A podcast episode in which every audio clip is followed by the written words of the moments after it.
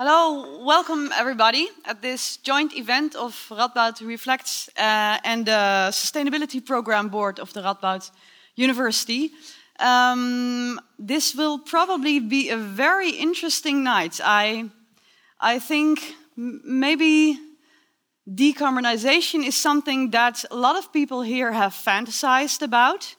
Uh, what will the world look like after? It seems like um, we really want it. But then again, as uh, will be discussed today, um, decarbonization uh, will not be easy uh, and might entail a carbon bubble that will burst probably and drag us down in a financial crisis that's maybe even worse than. So, um, yeah, so the end of black gold is supposed to be near. Um, but will this bubble burst? Will it be deflated? Um, what are the dangers? What are the opportunities? And uh, what happens when it's renewable energies that make the world go round, not fossil fuels? Um, what are the big changes? Um, and what will the world look like after? So that's what we'll be discussing. Uh, we have two speakers for you tonight. Um, we have Thomas Eimer. He's a political scientist at the Radboud University. Uh, his research focuses on the institutionalization of property rights uh, on both genetic materials, land, land use, and uh, indigenous knowledge, so quite diverse. Um, and also the role these rights play in, uh, in trade-related relationships between emerging countries, uh, which we formerly called uh, third world countries, but emerging sounds uh, quite different, uh, and industrialized countries like, like ours. Um, he will get into who stands to gain and lose from this shift to decarbonization, and most of all, um, what the chance, chances are for political uh, and economical emancipation. Um, but first, um, we have um, the speaker that well, get this, got this evening going, Jean-François Mercure. He's a computational scientist in the area of energy, macroeconomics, and climate change, uh, assistant professor uh, of uh, energy, climate, innovation at the Radboud University, and, and that's why he's here, co-author uh, of an article that made quite, quite a quite a burst in June uh, on the macroeconomic uh, impact of stranded fossil fuels, that is, the carbon bubble. Um, so he's here to tell us uh, all about it. Uh, so, uh, oh yeah, let's let me introduce myself. Uh, uh, I'm Lisa Douland. I work at Radboud Reflects as a program manager. Um, I will present this evening, um, do a short discussion after the lectures uh, of these two speakers, um, and then, of course, give you the chance to ask questions. So that's it for now. give a warm welcome to Jean-François Mercure.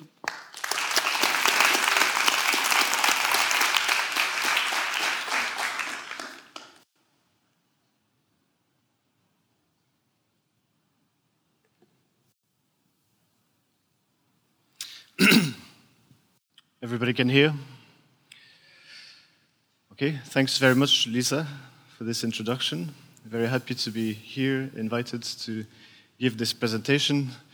Um, it's quite an audience, and I hope you'll be very interested in what I'm going to be talking about. So, where this came from. So, my team, what we do is we attempt to inform policymakers on which policies to adopt in order to try to avoid climate change. And that concerns primarily the energy sector because that's where greenhouse gas emissions come from that cause climate change.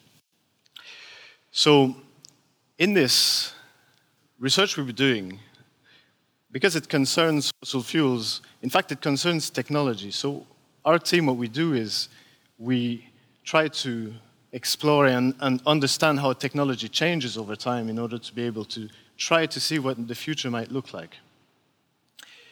And then doing this, especially looking at the transport sector, we discovered that something was going to happen with the energy sector, especially with the demand for oil. And you know, oil is very important in the economy.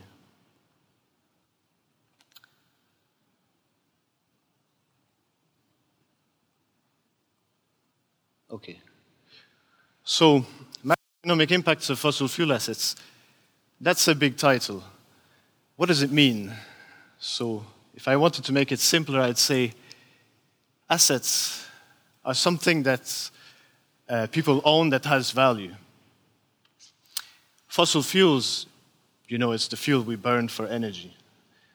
What does stranded mean? It means something that is stuck, like a boat stuck in, in a sandbank. So here's the team that did that. Some of us at Radboud University, studying technology and innovation. Some people studying policy and law at Cambridge University. Some people studying the climate at the Open University in the UK. And other people studying the macroeconomy. And we worked together to do this, funded by the uh, NERC, the Natural Environment Research Council in the UK, and various other funders. And that's the paper that we published in June in Nature Climate Change. And then it's got a lot of attention in the newspaper. That really got going. People talked about a carbon bubble that could erase trillions from the economy. Here's the Guardian article. This was sort of retweeted by Al Gore. Uh, the Times and some uh, uh, lower quality newspapers uh, with very um, apocalyptic titles. There you go. What was this about? And here's one maybe of interest to you in the Volkskrant that came out a bit later. Very interesting article if you get a chance to have a look at it. Okay, so to understand climate change and climate policy, you need to understand what is a carbon budget. A carbon budget is the amount of carbon we can emit before we exceed a certain temperature of global warming. But of course, this is probabilistic because any climate model only gives a probability of certain possible outcomes given a certain quantity of carbon. For different sorts of trajectories of the energy sector, we get different possible outcomes. But the Paris Agreement, which is the agreement that almost all countries of the world have agreed to, states that we wish to keep the temperature well below 2 degrees C of warming. Well below 2 degrees C of warming would mean something more than a 50 50% chance of achieving this. So we interpret this as perhaps something like 75 25, where we would like to have more chances than not of not exceeding 2 degrees. Now, policies can achieve that, but there's no guarantee that we adopt these policies or that we achieve this. The way we did this in our model is that we calculate the climate, the very many trajectories of what it could be, all the possible variations of its parameters under uncertainty, and count how many runs we have. And then we figure out which trajectory of greenhouse gas emissions leads to meeting that. And then we work backwards what is the energy sector that leads there? But of course, if we don't adopt policies, there's none of this happening. So, what are fossil fuel assets? Of course, some people own assets such as barrels of oil that are in the ground, and they think this has a value. They have that on their balance sheet of their company, and they think one day we will sell that and make lots of profit. But assets are also physical things, such as installations that are used for exploiting these sorts of assets. Now you can imagine that if the demand for fossil fuels was to change, perhaps if we don't consume as much fossil fuels as we thought we were going to, it's possible that we build too many of these things. In fact, it's possible that some of them might not see a lot of use if the calculation is badly made. So there is an expectation over how long they should be producing in order to pay back for their investments. And of course, if they go stranded, then some companies could become insolvent. So, how does it work when you invest in a project? You have an expectation about how much you'd be producing and an expectation of what the price might be. Now, it might turn out okay, you have an investment that happens at, let's say, time t equals zero. It could be that this turns out different than you thought. And then there'd be a certain amount of carbon that cannot be burned because no one wants it, and a certain loss because the price is lower than expected. Now, of course, people do these calculations. This is the, energy, the World Energy Agency. But I think they are sometimes potentially conservative, or perhaps there's something they would like to tell which may or may not be what's going to happen. So we wanted to explore this question. This has become important after a big, important speech by the, the governor of the Bank of England, where he suggested, and in a report by the Bank of England, that perhaps there's higher risk than we think in all the assets of the financial sector that might have exposure to either climate change or policies to avoid climate change and that this should be important for the UK insurance sector, but also the whole world. And studies were made about this, and they found that one to two trillion of dollars could be at risk in America and Europe alone. Now, if I was to go back to 2007, think of the financial crisis. There was a loss that concerned subprime mortgages, as you'll remember. The housing sector, it was a loss of a quarter of a trillion. But that led to a loss in the economy of 5 trillion in GDP.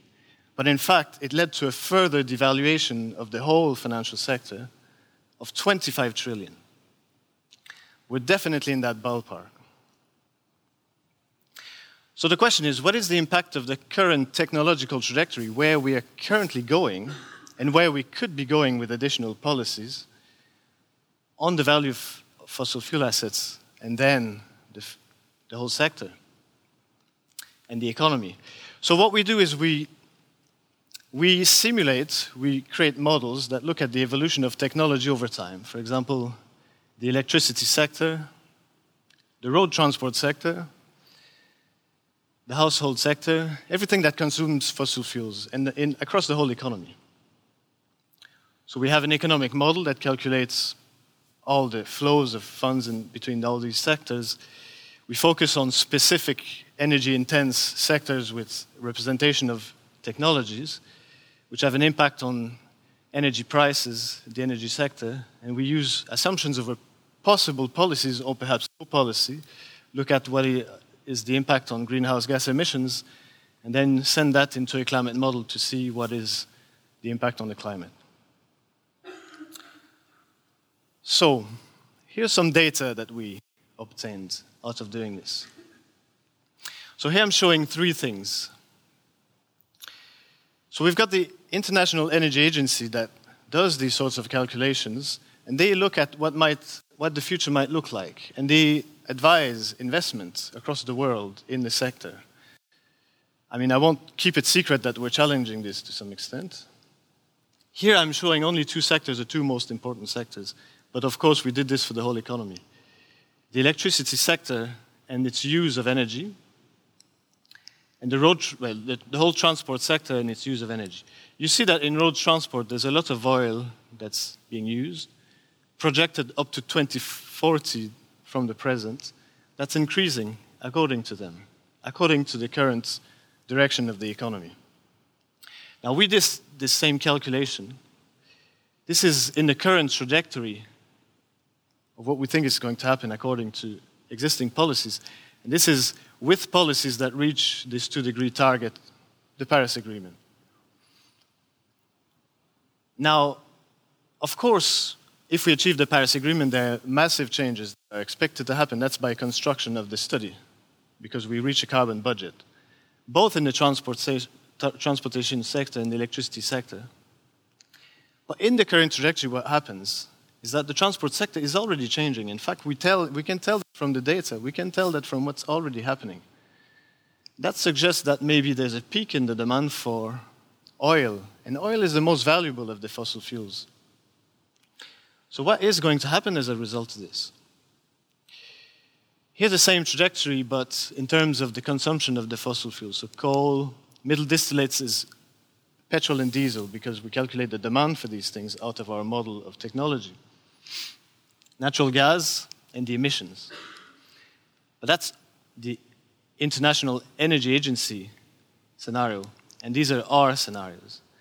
And you see that these white triangles is where we're not consuming as much oil as perhaps is expected by a lot of people. What does that mean? This, this means that is oil that is not produced. What does that do to the economy? So it has three main sorts of impacts, I would say. One is low carbon investment can boost the economy because it creates jobs in new sectors. It's innovation, new types of jobs, new types of development. So, despite the fact that some prices might go up, for example, electricity prices, if we have lots of renewables, could be more expensive. But people are building things, and then this employs people and it creates GDP.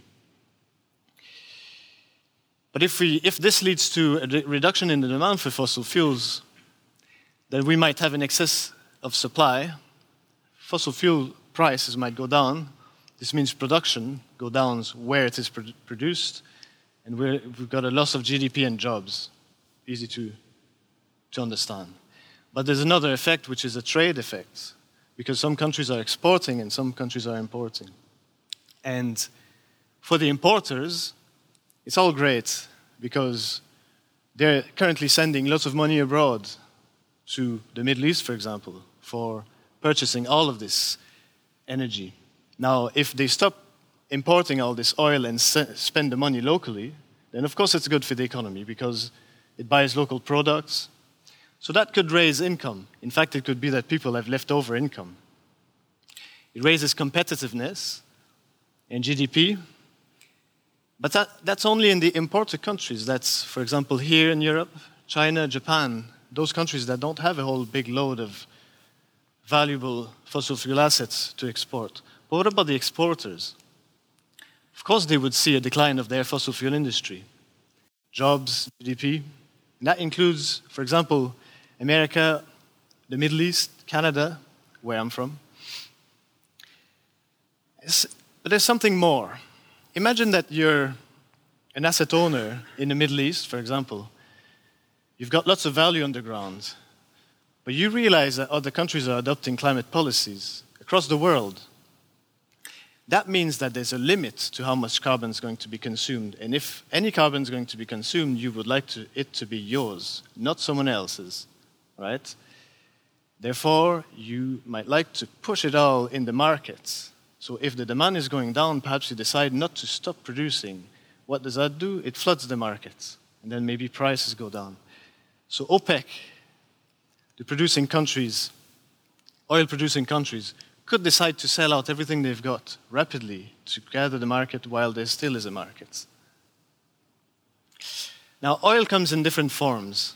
You've got very low cost conventional oil, higher cost oil under the sea, very high cost in the Arctic. You've got heavy oil in South America. In America, you've shale oil boom you heard of. But that's expensive because there's a lot of drilling involved. And in Canada, well, the tar sands, where you've got to do lots of separation of chemicals. Of course, you'll understand that if the price is going down, this will be the first to be out of the game, and this will be the second, and so on. And so the loss would not be distributed equally between the producers. That creates potentially massive political intricacies around the world. So, what did we project? So, here's, apologies, it's a very busy chart. Here's a production of fossil fuels for the whole world. And that's in the solid lines is what the IEA thinks will happen. In the dotted lines is what we think will happen in the current trajectory, and then in the two degree scenario. And in the current trajectory, you see a peaking of oil already. But this loss of production is not equally divided across the world. Some countries lose a lot more than others in this. This is a change in production from uh, the IEA scenario. You can see that Canada and America are losing. We did some projection of what the price, how the price could change by calculating what could be the marginal cost of production and in, in different scenarios, whether the Middle East sells out or whether it doesn't sell out, you have a, a change in the price that declines rapidly. What does that mean? Quantity times price declining means a lot less money. So we calculate GDP for these countries. So this is America in red, this is Canada. But now you see that in China and Europe, there's not much change. But Canada and America are taking a big hit. And there's this mirror picture for the, the number of jobs changing. And this is a total loss, calculated if we sum it up all the, all the way to 2035. So this is the value of oil, gas, and coal. So that's negative, these negative bars here. It's different for every country. And this is the accumulated GDP loss. And you see some countries lose a lot, and some countries gain a lot. In fact, America, uh, America loses a lot. The EU gains, China gains. This means quite important politics because if, say, China reduces its consumption of fossil fuels, it's affecting America directly. Now, you might wonder, therefore, shouldn't affected countries just get out of climate policies? You'd think that, right? You'd think America, maybe if it cancels any climate policies, they've already announced they would pull out of the Paris Agreement. Does that solve their problem? So we did that calculation. And it changes nearly nothing. In fact, it's just a tiny bit worse. Oh, that's interesting. Ah, how come? In fact, the chart looks just the same. What's the reason? So we, we've agreed that importers are well off if they stay in the climate policies, or let's say, the, let's say I call this the Paris Agreement, because remaining in the Paris Agreement gives them benefits from low carbon investments in new technologies, moving on the economy. But also, they reduce their expense on import, eh, expensive fossil fuels from other countries. Yeah, that's, that's clear. Now, the high cost producers like USA and Canada who don't necessarily compete very well with the very low cost oil from the, the Middle East. They're worse off if they cancel their policies. Why?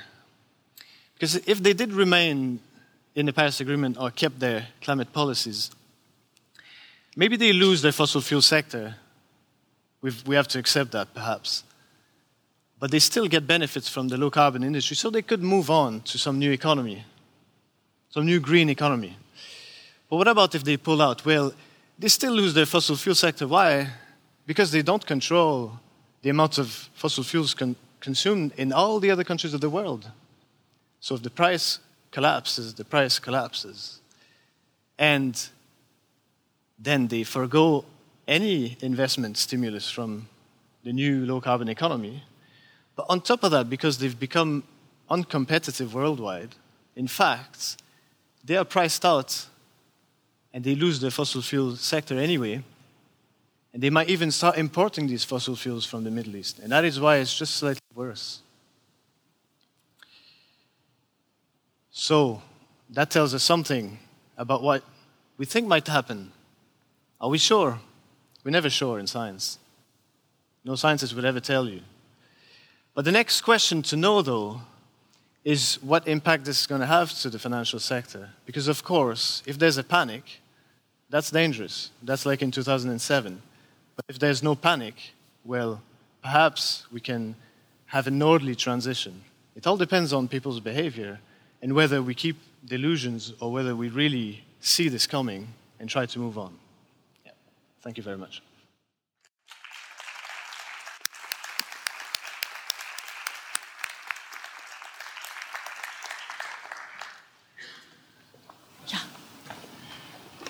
you.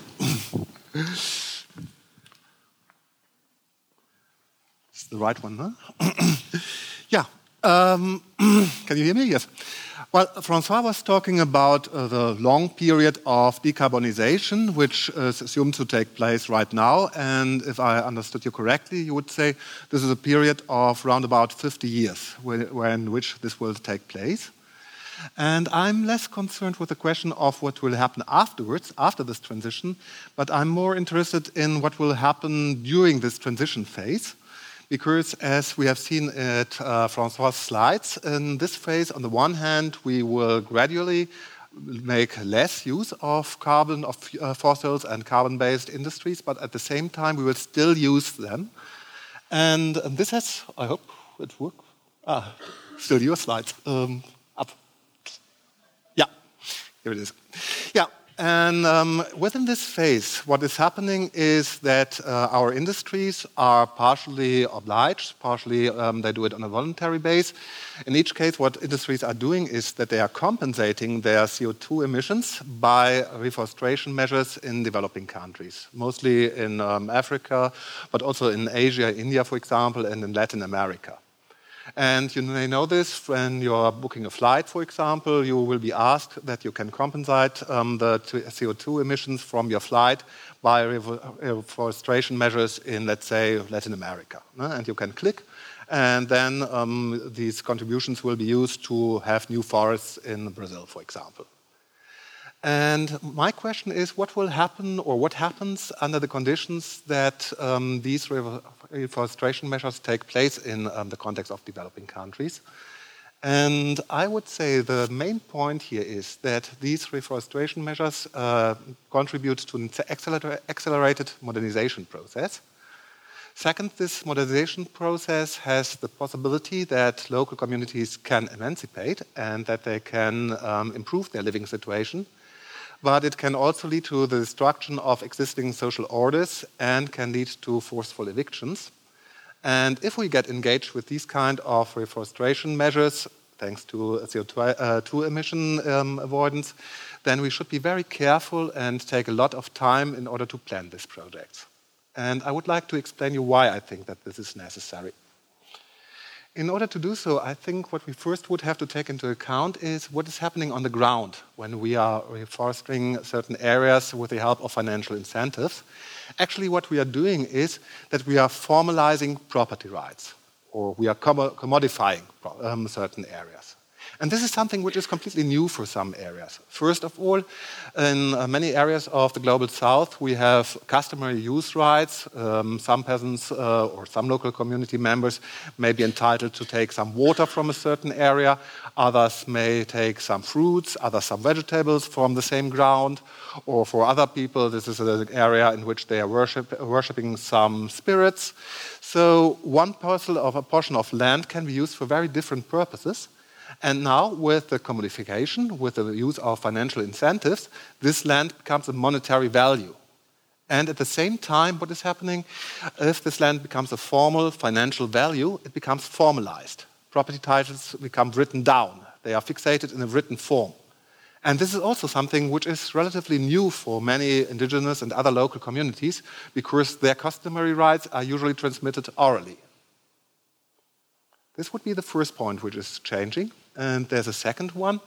If we have the idea that nature becomes a good, that nature can be sold, and if we have the idea that the protection of nature becomes a service, thus also a commercial activity, that also changes the perspective of how nature and um, the activities within nature are perceived from the perspective of local communities.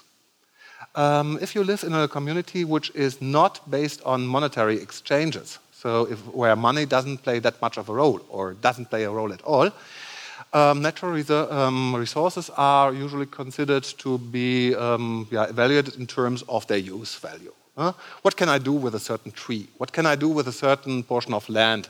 What can I do with a certain animal?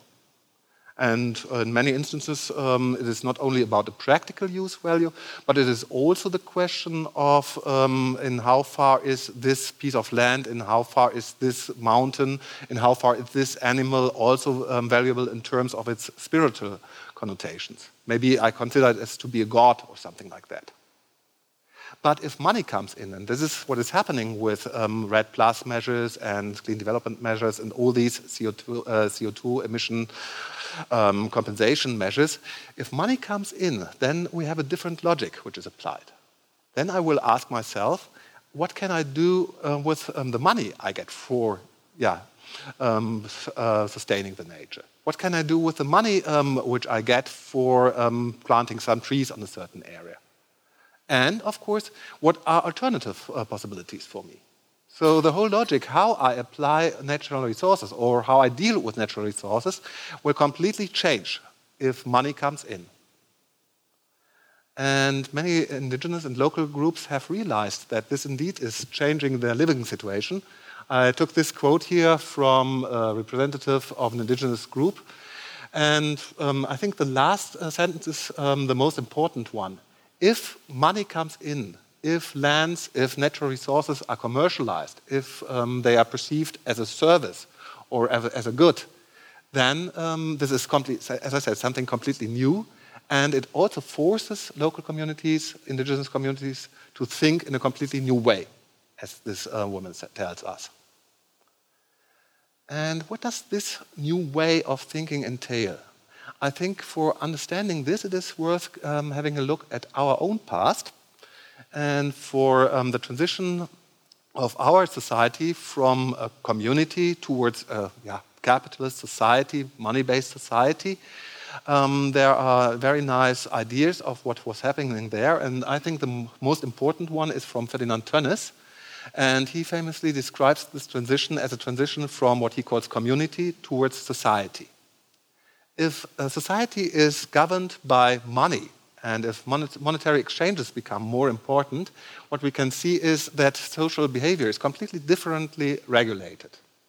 Within a community, um, social behavior is regulated by certain conventions, by norms, by religious beliefs, by morals, by some codes of ethics, and so on and so forth.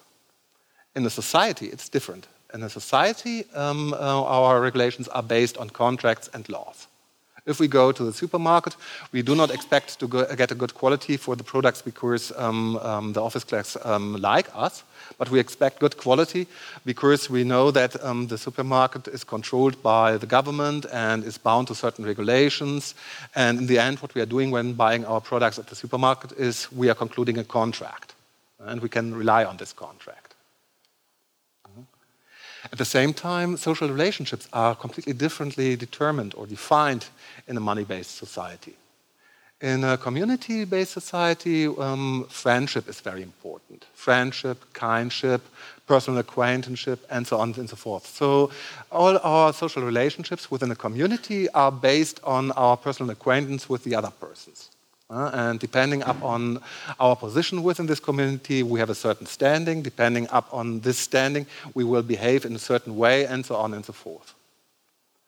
In a society which is money based, it is different. Here we have different roles according to our function in a certain sector of the society. If we are working, we are expected to behave in a, particular way, but in our leisure time, we are expected to behave in a completely different way.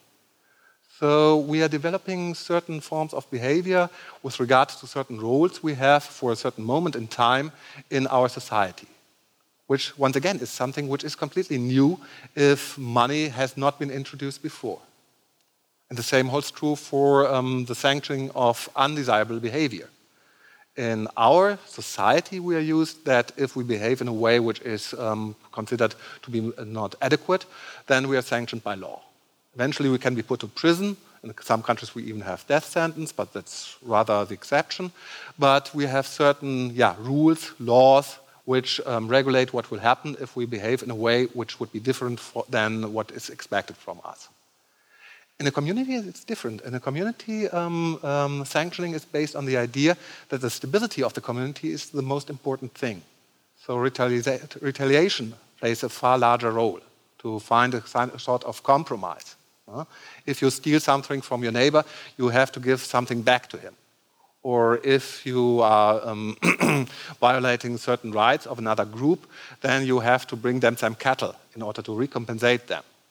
Uh, so you have a completely different logic of how social behavior is regulated, what is expected from individuals within the community or society, and how deviant behavior is sanctioned.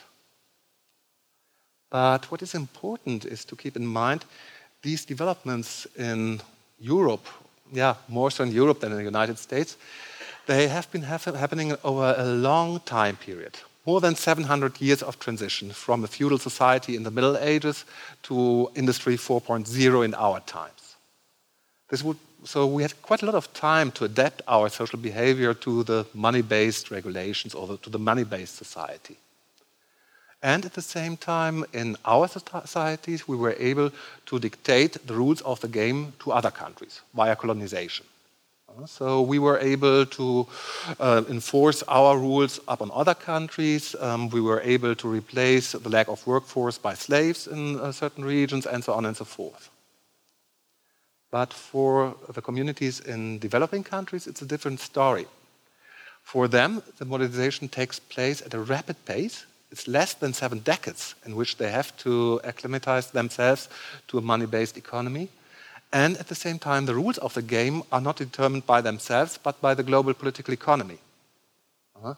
So, for example, what we have had in kinds uh, in terms of innovation for a long time, um, the Netherlands, but also other European countries, were used to imitate technologies which were developed by the more advanced countries. So, copying um, some innovations from Great Britain was quite common.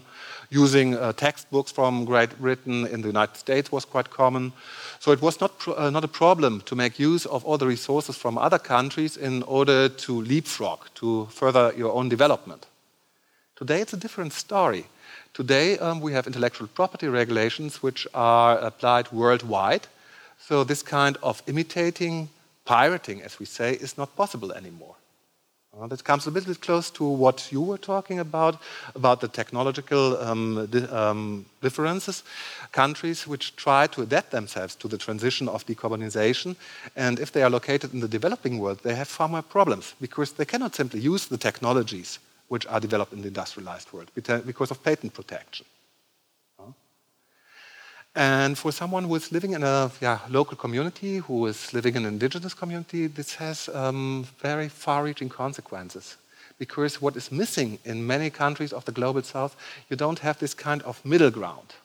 Um, if someone has to leave his uh, countryside, if he has to leave his community, his village, then in the end he will end up in a favela, in a slum, in misery because you don't have these kind of yeah, mid-range jobs um, working in a factory or something like that. Doesn't exist because uh, the intellectual property protection rules from the world they prohibit this kind of production. So it is far more difficult for local communities to adapt to the money-based um, society because um, these kind of middle ground opportunities are missing and they have to adapt themselves in a far more rapid way than what was happening in Europe. These are the international conditions of these changes. But of course, there are also domestic um, aspects which have to be taken into account. And first of all, we have to take into account that we are talking about regions which can be called regions of limited statehood many regions, the legal situation is very complex. We have a bundle of international laws, um, domestic laws, customary laws, and nobody knows exactly what kind of law should be applied in a particular situation. We have bureaucracies which are sometimes very weak. We would say corrupt. I'm always a little bit hesitant with this term. But um, uh, authorities who have their own interests when applying these norms we have violence in many contexts. We have uh, authoritarian regimes who try to prevent the resistance of local communities against uh, certain measures and against um, certain projects. So the whole structure is very yeah, flexible, complex, and difficult for many communities. And this also makes it very complicated if you have these reforestation measures or projects in their regions, because um, local police officers, for example, they can make use of these projects um, to make uh, use of the money for themselves. Uh-huh. So, and in the end, the local communities does not get anything. Yeah, and I would still uh, say we also have um, yeah, ongoing yeah, tendencies of colonialism. And here I would say we have two different kinds of colonialism. First of all, we have what might be called the external colonialism. All of us, we have the idea, oh, these local communities, they are living in harmony with nature, um, they have um, a good understanding with their surroundings, and so on and so forth. We idealize or romanticize the noble savage. And we get very easily disappointed if they behave in a different way. And indeed, um, sometimes um, our NGOs are quite willing to punish local communities if they do not behave in the way they expected them to, be, um, uh, to behave. I know it from my own research. Greenpeace, for example, in uh, Brazil, they are very unwilling to accept that indigenous groups uh, should sit at the table when talking about environmental policies. And I had another interview with an NGO in India, and there this NGO um, representative told me, oh, you know, all these Adivasis, indigenous groups, better they die. So this kind of external colonialism, uh, colonialism, still plays an important role, I would say, in the way how we perceive local groups and how we interact with these groups. And of course, we also have internal colonialism. We have, as I said, very authoritarian regimes. We have regimes in which um, lower class indigenous groups, local communities are perceived as to be inferior. When you go to India, for example, um, what you hear from public authorities or uh, other elites um, quite frequently are if you go to the Adivasis, they are illiterate, they cannot read, they do not speak English. I went there, and sometimes they spoke better English um, than um, the governmental authorities. Uh-huh. So we are in a context in which those groups in which um, the projects are loca uh, located are suffering from this yeah, misperception of their culture, both from external actors, NGOs for example, but also from the side of internal actors. How does this play out in practice? And here it becomes tricky. Uh, so far, um, we simply do not know how um, reforestation um, projects um, can be yeah, um, characterized on a more general level. We only have anecdotal evidence at the moment. We have case studies in different directions, and ideally, typically, we can identify two different directions. We see in some cases, indeed, that indigenous groups can make use of these projects in order, first of all, overcome yeah, internal hierarchies, internal inequalities within the groups. I mean, money makes it possible. As I said, um, your relationships are based on contracts and not any, anymore on um, social uh, traditional relationships. But they can also make use of um, these projects in order to defend their rights vis a vis other actors. For example, they can argue okay, this um, forest has to be protected, and that's why our lands cannot be used by a mining company. I know it from an interview partner um, of mine, and he told me, um, well, there was a dam project planned by the World Bank, and uh, he and his um, group members they collected some plants in the area, and they told the World Bank, hey, these plants, these species are unique in this region. You cannot construct a dam here. And finally, the World Bank gave in and um, stopped the, um, the whole project. So, in fact, um, the use of nature by reforestation projects, um, the use of nature as a good, may lead to a certain emancipation of the local population. But it may also lead, and this would be the other um, box here, to the opposite. It may lead to a, to a situation in which um, local authorities, NGOs, and so on and so forth, in order to save the forests, are willing to evict local people. And this can become very brutal and very violent. Uh, or another issue which is often happening is that some people who have formal land titles on a certain area and which had ignored their land titles for a long time now become aware that this land has an exchange value and now they enforce their land titles vis a vis the local population, which is living there without any formal rights. Yeah, and finally, um, for many cultures which are not used to make money as the central mean of their transaction, um, the uh, introduction of this kind of um, yeah, transaction mode also implies um, that they lo uh, lose uh, their cultural identity. Because completely different values come into the community. Uh, especially the older part of the, um, the, groups, they often complain, ah, the youth, they want to have the money and they buy Nike t-shirts or something like that, and they forget about our values. Uh, one can argue, why shouldn't they do so? That's a symbol of emancipation. But one can also argue um, that um, this is a kind of loss of cultural identity. And I would like to conclude this talk with a quote. I'm currently preparing, uh, or I have submitted a project proposal at the moment. And for this project proposal, I needed financial support from private actors. And with this regard, I had many talks with companies who are active in this field. And I would like to conclude the talk with a quote from the CEO of one company, which is involved with um, uh, reforestation projects in Uganda. And he told me, yeah, well, actually, the situation is so complicated that we would need uh, that we need more so social scientists in order to understand the social dynamics than environmentalists for our projects. So to sum up, what we can see with reforestation as a kind of yeah, what is happening in this transition phase of uh, decarbonization is we can see an accelerated, accelerated modernization process which mainly affects local and indigenous communities and um, this uh, modernization project um, can have consequences which are positive to the extent that they help uh, local peoples to yeah, develop themselves in a new direction, emancipate themselves from the constraints of a traditional community. But it can also lead to the destruction of social structures and, in the end, to the eviction of local people and to the extinction of certain livelihoods. And if we want to have these projects, we really need a very, very long time horizon, and we have to really carefully look what is going on on the ground before starting with these projects. And with that, I would like to conclude my talk.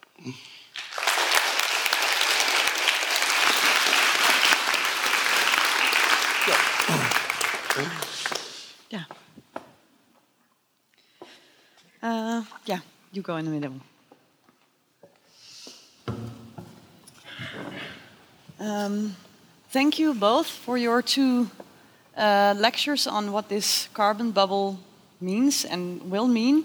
Um, before I get uh, to you, because you must have a lot of burning questions, I want to delve into certain uh, aspects of your talk a bit deeper. Um, if I listen to you correctly, it seems like these there are economical and technological mechanisms at work anyway. So there, uh, you you did men mention policy, of course, and that policy uh, uh, has influence, of course. But it seems like it, this is a process happening anyway. H how, um, yeah, could you elaborate on that? Um, wh what is the Paris Agreement doing in, in, in all of this? What will the IPCC report on uh, 1.5 uh, uh, degrees climate change that's coming out next week due to this? What, what is the role of, of, of policy and policymakers? Okay, well, first, as you say, things are changing anyway. So technology changes. It changes because it's, it's useful to do so. So efficiency of energy use, for example, keeps changing because it's, it's useful. We make discoveries how to better use energy, and then we never go backwards because it doesn't make sense. Now, yeah. that's why it's changing. The efficiency of, of everything that's using energy is changing. We don't need as much energy to do the same things anymore. However, these changes are not sufficient to avoid the worst of climate change. And that's where policy comes in. Yes. Because without policies, we will end up somewhere in the three degree zone. Even the Paris Agreement is not entirely sufficient because the promises are not, do not sum up to two degrees. That's well known. But a debate needs to happen and policies need to be revised in order to meet that target. Yeah, but, but if you take your, your models as a, um, uh, as a starting ground, where, where, where can the extra change come from to avoid this three degree warming? Well, that's what a lot of people like us do is attempt to inform the, the people as to what can be done. And we just discuss what policies are possible with policymakers in terms of their, the room they have uh, politically and try to figure out which are the best strategies with policymakers to, to reach those targets. And that's yeah. happening in Europe, and it's, it's uh, quite far into the process. Many countries around here. There's other countries where it's more under development, but it's certainly underway. Yeah. Yeah. Um, I did notice. Um, uh, I read The Guardian a lot. They they uh, online because they have a very interesting environmental section. Uh, George Monbiot is a columnist there, and just last week uh, he wrote a column saying, um, as long as there's growth, there's this need for fossil fuels. Uh, in short, we, we really need to degrowth. So we really need to focus less on, on, on economical growth and, and economics, I think, and, um, and steer to a different path. How, how do you think about that uh, position? Okay, many people talk about degrowth as the solution. I think this makes two critical, has two cr critical flaws in the, in the thinking. One is to think that technology doesn't evolve so that for a certain amount of GDP, there's a certain amount of energy. And of course, that's a flaw, flawed argument because technology keeps changing. And in fact, for more GDP, we use potentially less and less energy. That's one. Second, it would say that therefore GDP has to go down and that it's possible to make GDP go down, but GDP can certainly be de de decoupled from energy use. And that, in fact, is what's under discussion in most policy um, debates around the world, especially in Europe, I would say. And therefore, I don't think it's possible. GDP is, some, is, just a sum of all sales if we're selling things that have no energy embedded. It's possible. Yeah. So then you can have growth without the fossil fuels. No problem. Yeah. And um, um, is that your take as well? Because you, of course, research em emerging countries a lot. Um, they would probably not have a lot of they, they would want growth, right? Or not? Mm. How, what's your position? Yeah, I mean, that's a little bit outside my field of research, but I would um, have the question what is happening with regard to technology transfer that had been promised with the Paris Agreement, but as of yet, not that much has happened there. No? And um, developing countries, I mean, they are still um, in need of the old carbon based technologies, and if they are not allowed to use them anymore, um, their industry will further decline, or at least will not grow. And this will um, also contribute to rising inequalities on a global level, uh, and maybe even undermine climate protection policies. Yeah, that's clear. The solution needs to be found for uh, technology transfer issues yeah. that we have around the world. Yeah, yes. At the moment, it doesn't seem that, um, let's say, our countries, in, be it in Europe, be it the United States or other industrialized countries, would be willing I mean, we are behaving in a quite mercantilist way, one might say. We want to have these nice, clean energies, and we want to protect our markets by regulations which only allow these nice energies. And by that, we are blocking the importations from countries um, outside our own realm. And by that, we are bearing their, own, uh, their development. So, our environmentalism is the economic misery, I make it a little bit blunt, uh, of the developing world. Yes, I don't want to have a clear uh, position on this, and I would love to bring in Helene de Koning, who's my colleague, who uh, should really be the one to talk about this. Yeah, so uh, uh she'll be talking uh, uh, in a program, I think, in two weeks on climate change. So maybe we will get that back to it then, but we'll leave it for now. Yeah, I will. I will ask one last question though. It was a good one though. Um, Um, so we've been talking about this carbon bubble tonight. What is the? What would you say, both of you, is the the, the biggest lesson I know to, to learn from this carbon bubble that isn't there yet, that's in the future still, sort of, or maybe it's already there, but what, what does it tell us? What does it teach us? What should we do? Okay, well, societal change happens all the time. Societal change always leaves some people behind. Every phase of industrialization, every industrial revolutions we've seen has done that.